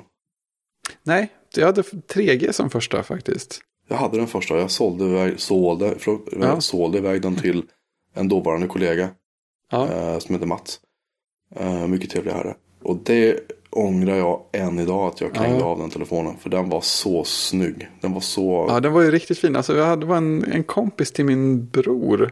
Som måste ha varit över i USA eller något precis när han kom. Som hade en ganska snart efter. Ja, den, var, ja, den var verkligen snygg. Alltså hela den där baksidan och sådär. eh, Så här hel, eh, helgjuten.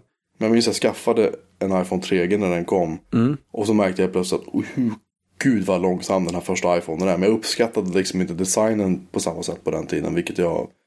Jag Nej. grämer mig som sagt över det än idag. Att jag, att jag, för jag vet, jag, jag, jag träffade Mats, för nu är det länge sedan vi sågs. Men när jag såg sist för några år sedan.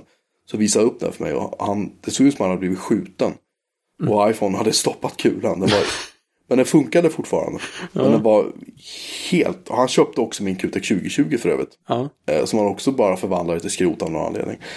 Eh, vårdslös herre. Men, Ja. men ehm, Vissa lever hårdare än andra. ja, eller hur? Thug life liksom. Nej, men men det, det, här, det kan jag ångra liksom att jag, att jag krängde av. Och det finns gott om prylar jag har köpt genom åren. Men jag bara tittar runt på mitt skrivbord här hemma. Nu går ju inte att se genom, genom eterns eh, eh, magi. Men, men tro mig när jag säger att det ligger mycket prylar här som jag inte förstår. Varför det ligger två Raspberry Pis på mitt skrivbord.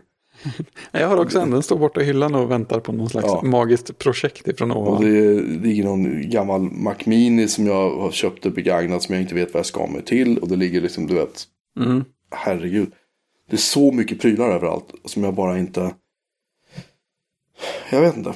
Ja, nej, jag... Det är nästan betungande. Därför jag har liksom börjat sälja av och börjat ge bort och börjat kasta så mycket grejer Ja, de senaste åren egentligen. Jag har blivit ganska, överlag ganska, um, ska man säga, inte så nostalgisk över vissa grejer. Men Nej. samtidigt, mina Amigo, de är ju så här, de tar hand om och uppgraderar och ser till att de är schyssta och så. ja men Jag har, inte, jag har liksom inte fem. nej, nej, men de har börjat, på något sätt börjat känna vilka grejer som är, alltså man har någon slags här, som är lite viktigare för en. Eller som man har med mera koppling till eller någonting. Ja, ja nej, alltså, jag, jag, jag minns ju, nu har jag, Amiga 1200 hade jag ju aldrig som grabb. Men jag minns ju liksom, nu har jag fått tag i en Amiga 2000 också. Precis som jag liksom, det är, den gullar jag väldigt mycket med. Mm. Men det var ju så, jag minns jag hade Amiga 500, såg Amiga 2000 och det var så här, oj Jesus, den här, oj, jag vill Ja. bara ha en. Liksom. Ja, Fast det var en Amiga 500 Ja. egentligen i botten. Och jag, sen när 1200 kom, det var väl ungefär 91, jag kommer inte ihåg exakt när det var, 91, 92 kanske. ja, Men då hade jag liksom klivit bort från Amiga. Men jag vet jag såg reklamen och jag tänkte så här, oj oj oj. ja, och spel med alla de färgerna. Här. Ja, du vet. Och man tänkte så här att ja, absolut, sånt ska jag ha. Och sen så gled man in i det här PC-träsket igen. Ja. Och så tänkte man inte mer på det liksom. Nej, alla datorer tappade färgen lite grann. Så. De var bara Ja. stora, stora siffror. Och fläktar. Ja. Och den här anonyma PC-världen som bara var liksom. Det var bara funktion och ingen känsla liksom. Det var Ja. därför det var så skönt att börja köra Mac tror jag. Ja, det, ja, det måste vara det. För jag har också funderat på det där. Att, alltså samma veva som jag bytte till Mac så var det som att jag på något sätt bytte inställning till hela så här, datorn och OSet.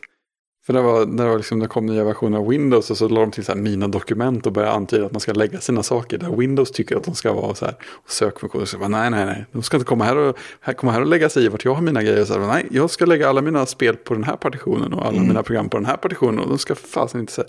Och så går jag till Max och bara, ja men jag lägger in all min musik i iTunes och låter den sköta hela biblioteket. Alltså, Vad, vad, vad, vad var det som fick dig att köpa en Mac? ja, alltså jag, jag är lite nyfiken på det också. Men eh, alltså, jag, det jag kan komma på att det är någonting med hela den här, just att det är en helhet. Och sen att det var något annat än Windows. För jag menar, jag har ju provat så här BOS. Ja, BOS hade ju problemet att det gick, fanns så mycket att göra med det. Och så här, Linux är mer en eh, hobby som man måste vara intresserad av själva Linux-pysslandet för att få ut så mycket av. Och riktigt så sugen var jag tydligen inte. Men Macen var så här, ja, det här är ju en, en genomtänkt helhet som det också går att liksom trixa med bakom kulisserna om man vill och behöver. Mm. Och sen, ja, och sen att jag liksom passande hade fallit bort från att spela mycket spel. För hade jag fortsatt med det så hade jag väl köpt en spel-PC istället. Ja, Jag minns, jag minns att jag såg. Det var när eh, Martin Björnström som jag nämnde och det här gänget på 99 Makt. Och de, vi styrde upp en, en, för då på den sidan så sände ju Apple sina keynotes via satellit. Ja, Och då kunde man, om man hade rätt kontakter och rätt utrustning, eh, ta ner det där på en nerlänk. Vilket då, man kan inte beskylla Martin Björnström för att inte vara ambitiös. Han Nej. hyrde alltså in en, en sån här buss med så här antenner oj, på oj, från, oj. från typ Terracom eller vad det var för någonting. Som körde ut då till, till där vi var. Jag tror vi var i, det var strax norr om stan. Jag kommer inte ihåg vad det Ja. heter nu. Men det var Atlas Copco hade sitt gamla huvudkontor där. Ja, okej. Men då i alla fall så hade vi en stor hörsal där vi satt och såg på den här Wow. eh, keynoten då. Då hade jag haft min, min eh, Powerbook G3 ett tag tror jag. Mm. Eh, kanske hade G4, jag kommer inte ihåg. Men, men jag var fortfarande lite grann så här, jo men det är väl kul. Men alltså, på den tiden kunde du inte göra så våldsamt mycket. Det var lite grann som i BOS. Mm. Att, att när det var OS 10, 10.1, 10.2 typ. Men 10.1 kunde du inte ens koppla upp mot en Windows Field Server. Du kunde Nej, knappt, jag tror du kunde knappt printa på den. Liksom. Du kunde inte Nej. bränna CD-skivor heller. Det var liksom, det kom sen hem. Det var jättesnabb utveckling. Ja. Men jag minns just att det som slutligen gjorde att jag liksom fastnade. Det var när de, jag tror de visade iPhoto. Mm. Jag kommer inte ihåg när exakt det här var. Men det kan, det kan man kolla upp. Men det var liksom när de lanserade och visade iPhoto. Då var det bara så här, ja. Ja. Var Det här ska jag ha. Därför man hade, jag, hade, jag hade köpt en digital kamera och börjat plåta lite. Och, var det precis före att eh, Powerbooken kom? 12-tummarna eller var det strax precis efter? jag tror att det var före. Men jag, Ja. jag kommer inte ihåg. Nej, nej, men, för, nej, Vi- nej, men det känns vi- som, vi- det känns som att iLife redan fanns när jag köpte. Ja, iLife kom väl 2004 kanske? 2005? Jag minns inte. Vi, vi lägger in alla korrekta länkar i, våra, Det, i det våra, kommer, länk, vår länklista. Som Japp. ni kan hitta på vår hemsida. Och i din podcastspelare. Som du har valt att lyssna på det här med. Ehm, nej men, men för det vi pratade om tidigare. är Så här, vilka man ångrar och vilka man värderar högst. Och vilka man liksom så här minns och vilka man känner och så. Mm. Så kan man. Jag vet inte om du känner så men. Mängden prylar man samlar på sig genom åren kan bli ganska. Eh, så länge du inte ser dem så är det lugnt. Liksom. Så länge Ja, de ligger i en kartong i precis. förrådet så är det lugnt. Men när du börjar rota i det där. Vid Mm. en flytt exempelvis. Som Mm. du nämnde tidigare. Då är det. Det är ganska jobbigt. ja, det För är då ser mycket- man för så mycket pengar som ligger där. Ja, alltså jag började ju fylla förråd när jag gradvis flyttade till större lägenheter. Sen var det, ja när jag flyttade från Lund. Nej, det var faktiskt innan. Det var någon av flyttarna inom Lund som jag, som jag liksom passerade någon sån där gräns och kände att nu är det ganska mycket skräp i förrådet. Ja, som faktiskt inte är varken pengar eller någon så här, någon djup historisk koppling för mig. Så här. Det var några, några, jag vet inte vad det var för sin tid jättekraftfulla typ system 7-mackar eller något sånt där. Två stycken som var upplockade någonstans ifrån. Så här. Det gick att spela Civilization i färg på dem, jättebra. Men Ja, ja. Det gjorde jag ju inte varje dag. Då, så här, då började jag göra mig av med gamla datorer. Men det var det mest de där PC-datorerna som fick stryka på foten. Sen har jag rensat bort andra saker. Jag har kvar min iMac G4 fortfarande.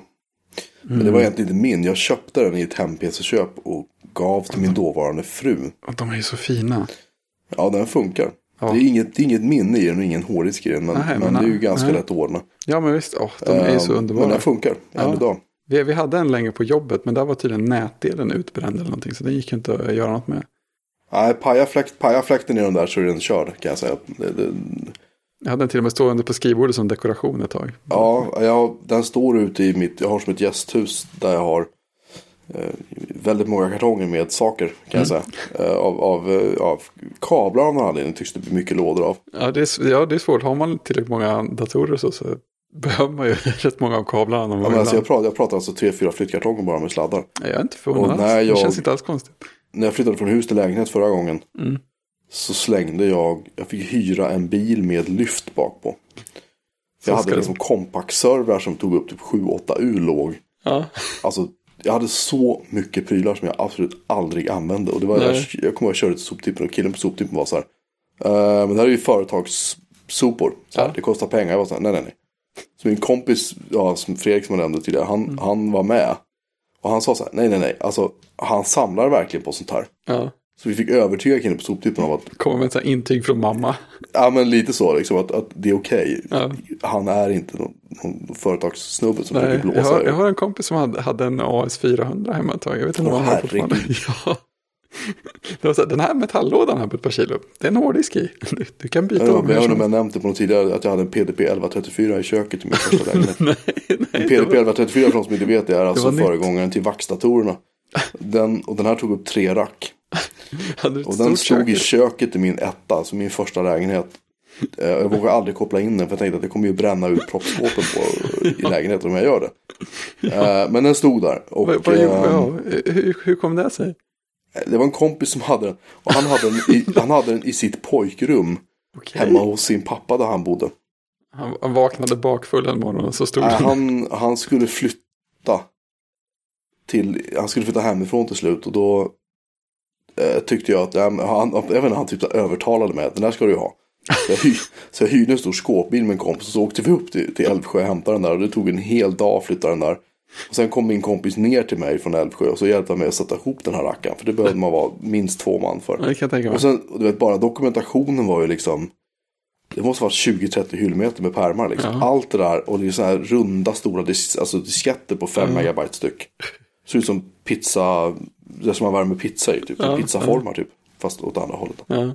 Uh, sådana hade jag liksom travar av. Och min dåvarande flickvän hon, hon, hon kom knappt in i lägenheten. Hon tyckte jag var genuint dum i huvudet liksom.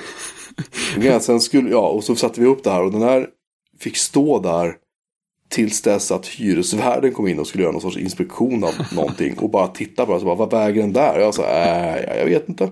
Nej. Och han bara tittade på mig och sa, bara, du vet att punktbelastningen i den här lägenheten är ett ton per kvadratmeter. Kan du inte garantera att den väger under ett ton så måste du riva den. Jag var så, ah, okej, jag får väl riva den då. Eh, och sen så kom eh, några kompisar och hämtade den där. Och vad de gjorde av den vet jag inte. Men det var för övrigt samma lägenhet som, som jag sen hyrde ut till en kompis som heter Joel. Eh, och han var sedermera en av de där så kallade NASA-hackarna. Aha. Och den lägenheten, eh, han hade precis tagit över kontraktet när Rikskrim kom dit och skulle försöka slå ner dörren. Oh. Men jag hade investerat i en säkerhetsdörr så de stod och dunkade på en stund och sen gick de där. Sen, nej, de dunkade på en stund och sen ringde de på dörren. Och då kom de, då hade de raderat alla hårddiskarna. Ah, det är en annan historia. Men i alla fall, det är preskriberat nu. Ja. Den här lägenheten har många... Vad skö- skönt att det inte var du som stod på kontraktet fortfarande. När Nej, de, de ville ta in mig på för... Nej, först ville de ta in min dåvarande flickvän på förhör för att han hade ringt, för jag bodde hos henne, han hade ringt hem till henne och fått prata med mig. Mm. Och då fick mina kompis, en annan kompis med förklara att nej, nej, nej, men det är lugnt liksom. Och så sa de, men man pratar med ja det är Jocke, ja men då ska han in på förhör. Och så nej, nej, nej, men det är lugnt. Nej, nej, så liksom. så, eh, ja, jag hade ingenting med, med något av det där att göra, men det är en Nej, ganska kul, kul historia. För att det finns en dokumentär på SVT. Jag tror att den finns kvar, An- annars finns den på YouTube. Ja. Där de har filmat trappuppgången, de har filmat området Nej. Norrtuna heter det, i Järna. Oj. Där kan man se mitt OS2-klistermärke sitta på ytterdörren fortfarande. Det, det är ju fantastiskt. På tal om ingenting. Ja. Eh, Bra Nej, men, men eh, vi kan väl enas i att, att, att vissa tekniska saker har ett, ett större affektionsvärde än andra. Ja men verkligen. Jag kom min första, första generationens iPod Touch. Den har någon slags... Oh, Ja, ja, och den funkar ju fortfarande fint. Det är till och med Ja. lite batteritid i den, vilket jag tycker är konstigt. jag har aldrig haft en iPod touch. Ja. Nej, men den allra första. Den, den ser så rolig ut också för att eh, när man lägger den bredvid en telefon så är den ju fortfarande tunnast och lättast. Och den Men känns vad, ju så... vad var det för storlek på den, den första? Den var Var det ju... motsvarande en, en eh, 3G eller? Ja, precis. Precis, det gjorde jag. De kom ju samtidigt. Eller det, ja, man kunde väl köpa touchen tidigare i Sverige. än Man Just det, just kunde det. köpa just det. 3G. Men det var ju samma. Den var väl lite lägre klockad. Men lika stor skärm, är det 3,5 tums va? Och så, Ja, jag, jag, jag, alltså iPod Touch för mig, det är bara, jag vet inte, det är bara ett mörker. Jag har aldrig varit intresserad av det. nej, nej, men det var lite så här, nu man kan köpa en iOS-enhet och behöver inte vänta på en telefon och man vet vad den kostar och sånt där. Och så fick jag plats med all min musik på den. Jag hade haft supermycket musik, så 32 gig räckte. Jag hade den, jag har fortfarande kvar den första iPoden. Oh, Och den köpte jag ny. Ja, jag köpte den. Ehm, den har 5 gig va? Ja, det stämmer. Funkar fortfarande. Wow. Så jag brukar koppla in den ibland och titta på all gammal musik jag har. Ja. Som jag la upp för gud vet när. Ja, Du vet, musik som jag inte ens har kvar längre på, på min Mac eller på min server. Det är så här låtar som jag bara, fan det här var rätt bra liksom. ja. Och låter fortfarande kanon. Batteriet håller i Håller batteriet fyra, fyra, också? fem, Ja, ja, den håller i fyra, fem timmar. Det är grymt. Um, jag, jag hade en uh, iPod, vad, vad hette den? En tredje generation, den som hade så här touch-knappar. Uh, Alltså det var inte ett fysiskt klickhjul. ja, det, var nej, nej, det är andra generationen som- hade fyra knappar uppe under skärmen va? Ja, det den och det var, och det var så här touchkänsliga. Det var inte knappar som man faktiskt tryckte De på. bara, det, det gillade aldrig den. Nej, det var- det var många det som inte gillade andra den. iPod, Det var andra generationens iPod. Ja, var det. ja men den, den hade jag. Eh, men ja, den hade ju batteriet börjat bli sämre på. Ja, Fyra, fem timmar kanske han hade klarat. Men det hade börjat bli sämre. Men sen tror jag, tror jag kom fram till att jag måste ha. Att den måste ha blivit kvar på ett tåg. För jag var, jag var så här över, över en helg. Satt på tåg fram och tillbaka till Linköping. Och jag är rätt säker på att jag lyssnade på vägen dit. Och när jag kom hem igen så hade jag inte iPoden någonstans. Så det var lite tråkigt. Det där är så, jag, jag vet jag var på pendeltåget en gång när jag bodde, jag bodde i Gnesta och åkte pendeltåg. Då glömde jag en kasse skivor på pendeltåget. Åh, Och det var alla mina kraftverkskivor som jag hade på vinyl. nej. Nej. Men jag ringde faktiskt till stationsvärden i Södertälje. Han sa, jo jo, vi har hittat den. Så jag fort som ögat åker upp till visar att det enda de har snott var Kraftwerks The Mix. Den sista, den senaste de hade släppt då. Det var den som var sämst. Alla andra originalpressar av deras skivor hade de låtit bli. På tal Konstiga om att tjuv. tappa saker på tåg. Ja. Ja. Eh, nej men eh, jag har kvar iPoden. Jag har kvar två iSight-kameror. Ja, de var ganska fina också. Skitcoola. Jag hade aldrig någon själv. Det var någon Ja, jag köpte två för att jag hade någon sorts illusion om att jag kunde ha en när jag var ute. För jag var ute och reste mycket på den Mm. tiden. Och så kunde, kunde min familj ha en hemma så kunde vi videochatta med varandra. Ja, det var en rimlig tanke. Så. Eh, Via iChat och AV som det hette. Men det gjorde fungerade det. ju inte så bra då. Nej. Eh, förstås. jag har kvar första iPaden. Den har min svärfar. Och så har jag en iPad 4 och en iPad Air. Ja, jag har en Retina Mini. Den känns som att den har fått något nytt eh, så här, lyft i eh, känsla med, med iOS 9. Det är något jag gillar med det. Men jag kan inte säga att någon av mina iPads har haft något så här direkt affektionsvärde. Jag har gillat mina mackar mycket mer. Ja, allihopa. Så jag gillar verkligen att använda mina iPads. Så jag kan få lite så här, oh, det, här är ändå lite så här framtidsteknik fortfarande när jag känner efter på rätt sätt. Men jag det, kan få dåligt samvete över att jag inte använder min Air. Alltså mm, fyran använder mina barn och min fru mest. Men Airen är liksom min. ja, Men den ligger för det mesta bara på sängbordet. ja, jag, läser lite böcker på den ibland och typ kollar Twitter eller Ja. någonting emellanåt så. Men eh, jag måste säga att med iOS 9 så har, och det här är en iPad Air, det är ju liksom, det är förra generationen så här, det är, den är ju inte jättegammal. Just det, det är inte tvåan nej. Nej, Nej. men ändå, gud vad slö den har blivit. Ja, Och det känner jag lite så här, ja ja, då vet vi hur länge den levde ungefär. Då vet vi nästa version av iOS kommer det här bli inte så kul längre. Men, men jag sagt, jag använder den typ aldrig. Och jag, den hittar ingen riktig plats. Jag menar, skulle jag bli av med mina iPads imorgon så skulle jag inte sakna dem. Jag hade ju sagt första generationens iPad 3G hette den va? Hette den inte så? Första som hade inbyggt mobilnät. Nej, iPod, iPad kunde man alltid köpa med. Ja med. precis, men den hette väl typ så iPad 3. Jag kommer inte ihåg. Ja. Men sak samma. Den, den köpte jag, den importerade jag, fulimporterade jag från Danmark. Ehm, Mm. Ja, Jag det fick från betalt Tyskland. För, ja, jag fick betalt för att köpa den här för att jag skulle skriva ett test av den till hemmabiotidningen. Ja, Och det var innan Apple, för det tog ju typ ett halvår innan den kom ja till det Sverige. tog tror jag. förvånansvärt lång tid. Så att jag eh, fick betalt för att köpa in den där. Men i alla fall, och den, den när jag hälsar på svärföräldrarna så ser jag alltid det. Jag tänker så här, oh, den här borde schysst att ha hemma liksom. Och, Mm. och bara, jag vet, nej, vad, vad ska jag med den till? Ja, precis. Och det är Och det, det- alltså, jag känner, jag börjar ju låta bli att köpa saker av den anledningen. Man kan tänka, ja, den där vore ganska fräck att ha, så, men skulle jag ha den till? Ja, nej, precis. Men jag har, ju, jag har ju hållit på och lekt med Apple Watch lite grann. Apple skickar en till mig. Mm. Som jag har testat eh, på Mac Pro och eh, sådär. Jag har den på mig varje dag. Men jag känner så här, ska jag köpa en? Om jag har liksom lämnat tillbaka den här och Mm. ska köpa. Nej, jag vet, alltså nej. Nej, Och jag känner på något sätt att det är svårare och svårare för prylar att få en sorts fotfäste i liksom. I Ja. vardagen. ja, ja men Kanske. faktiskt. Och så känner jag så här, ja, det var samma sak. Det var nästan gränsfall till och med, med från Macbook Airen till nya Macbook. Men det känns ändå som, ja men jag vill ju verkligen ha Retina och den här har ändå varit med ett par år, den är inte supersnabb. Den går till och med segt för vissa saker jag gör sådär till vardags. Mm. Men ändå så här, den funkar ju perfekt. Det tar emot lite att bara ställa den här borta i hyllan. Ja, men jag, hade, jag hade ju jobbdator på mitt förra jobb som var en 15-tums Macbook Pro med 16 gig minne och, och i hum jättesnabb CPU och du vet massa disk och det var så här. Det var en riktig drömmaskin. Mm. Och sen slutade jag där och så fick jag lämna tillbaka den datorn och så tänkte jag så här, men jag har ingen Mac. Och då köpte jag en 2012 års Mac Mini. Som var liksom den sista bra som man kan byta minne och så själv i och Ja, byta just disk det. och så själv i.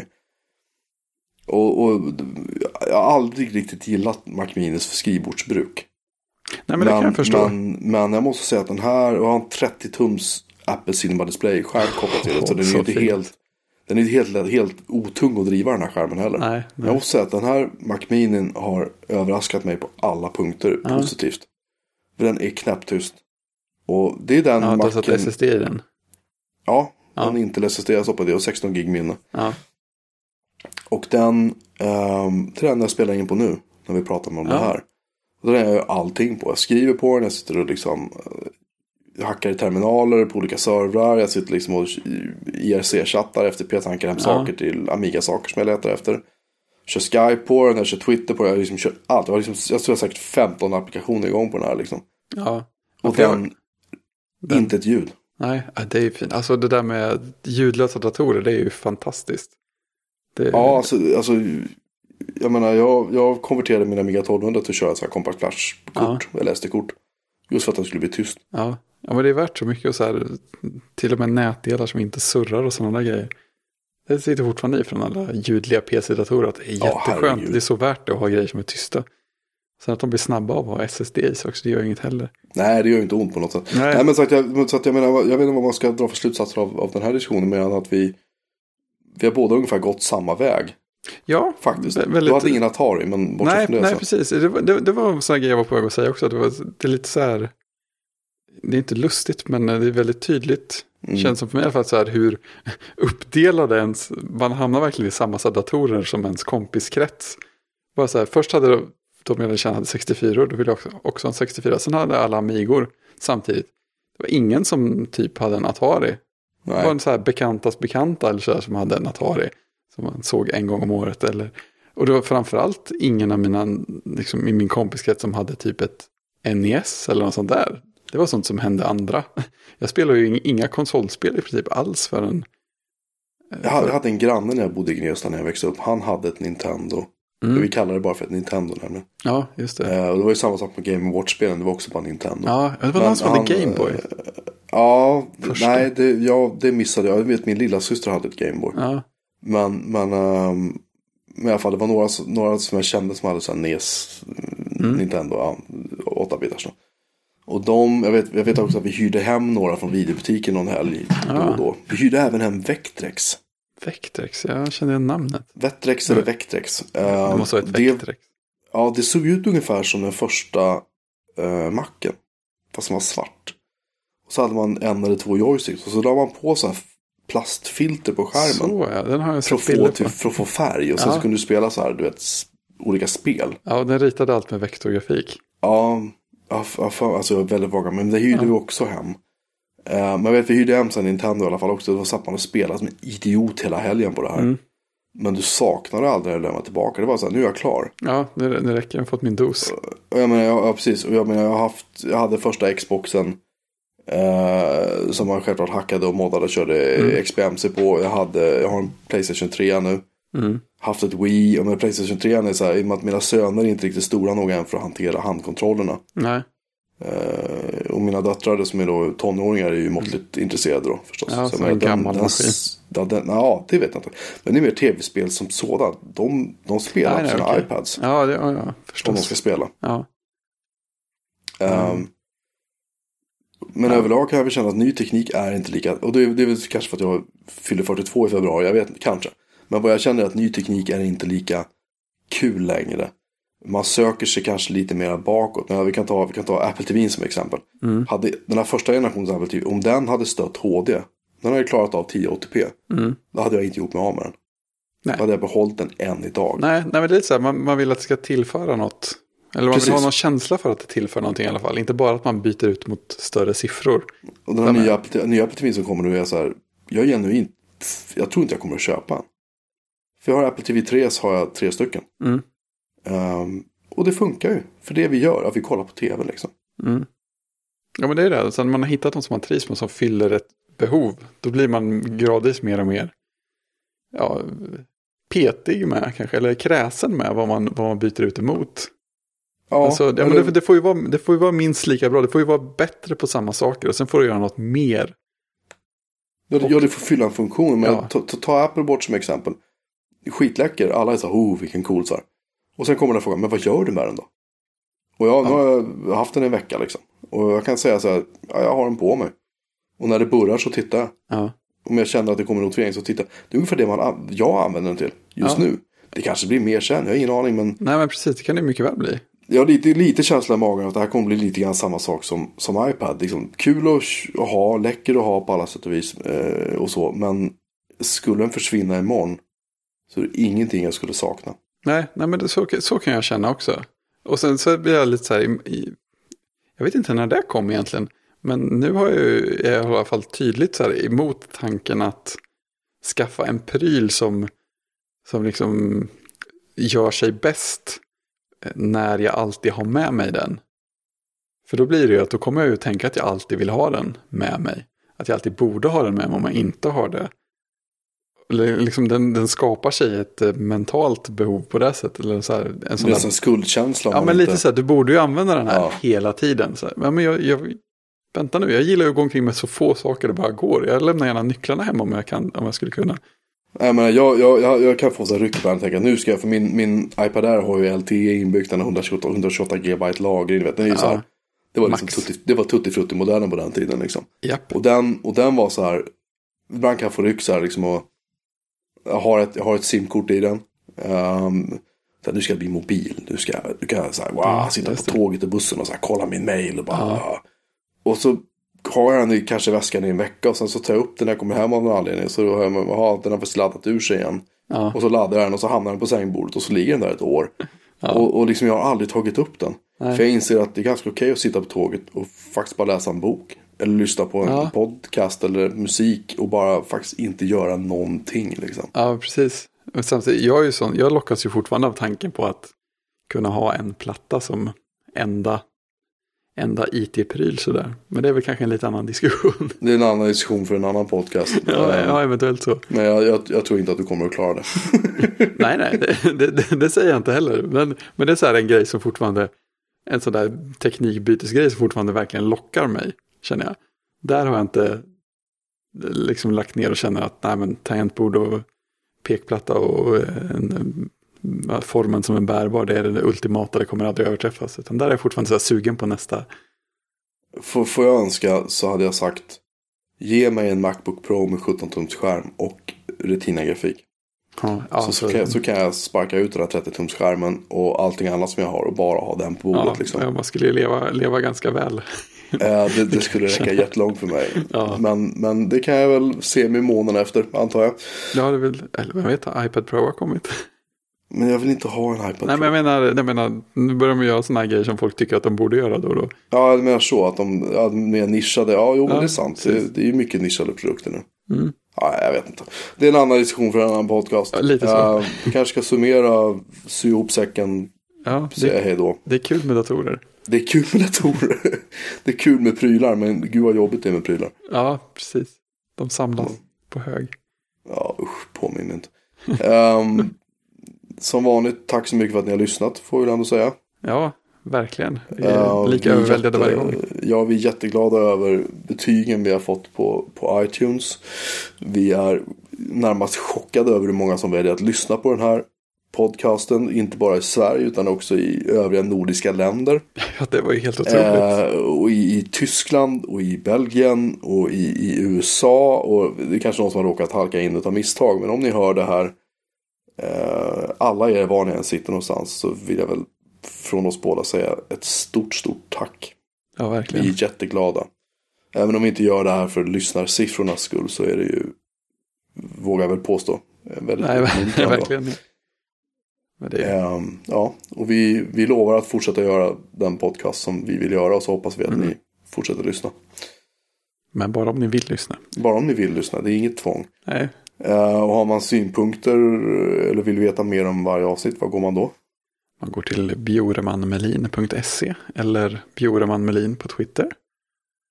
Så kan man e-posta om man är sådär gammaldags som vi är. Just det.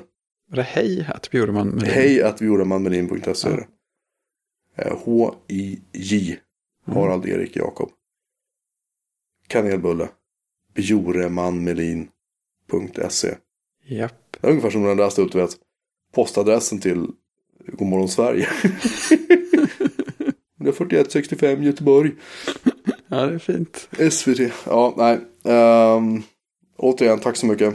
Ehm, och vi hörs om en vecka igen. Det gör vi. Vad ska vi prata om då? Oj! Oj. Avsnitt fem. Ja, just det. Ja, just det. Jag vet vilket det är. Vi har tänkt på att vi klarade det svåra tredje avsnittet. Det har vi liksom Ja, det gjorde vi. Det är magiskt. Avsnitt fem ska vi prata om topp fem spel. Ja, det här blir... På tal om att vi faktiskt pratade om spel tidigare så är det en jättekul koppling till nästa avsnitt. För eftersom ingen av oss spelar spel längre. Ja, det kan bli lite Nästan. retrostuk Du spelar ju bara Wings igen. Ja, precis. Och jag spelar Railroads fortfarande. Eh, Ja. Spel, topp fem spel genom tiderna. Och eller spel du skulle vilja se en remake av. Just. Det ska vi prata om nästa vecka. Mm. Men tills dess. Eh, ha det gott. Och hör gärna av er. Ja. Säg hej då Fredrik. Hej då. Hej då. Klick.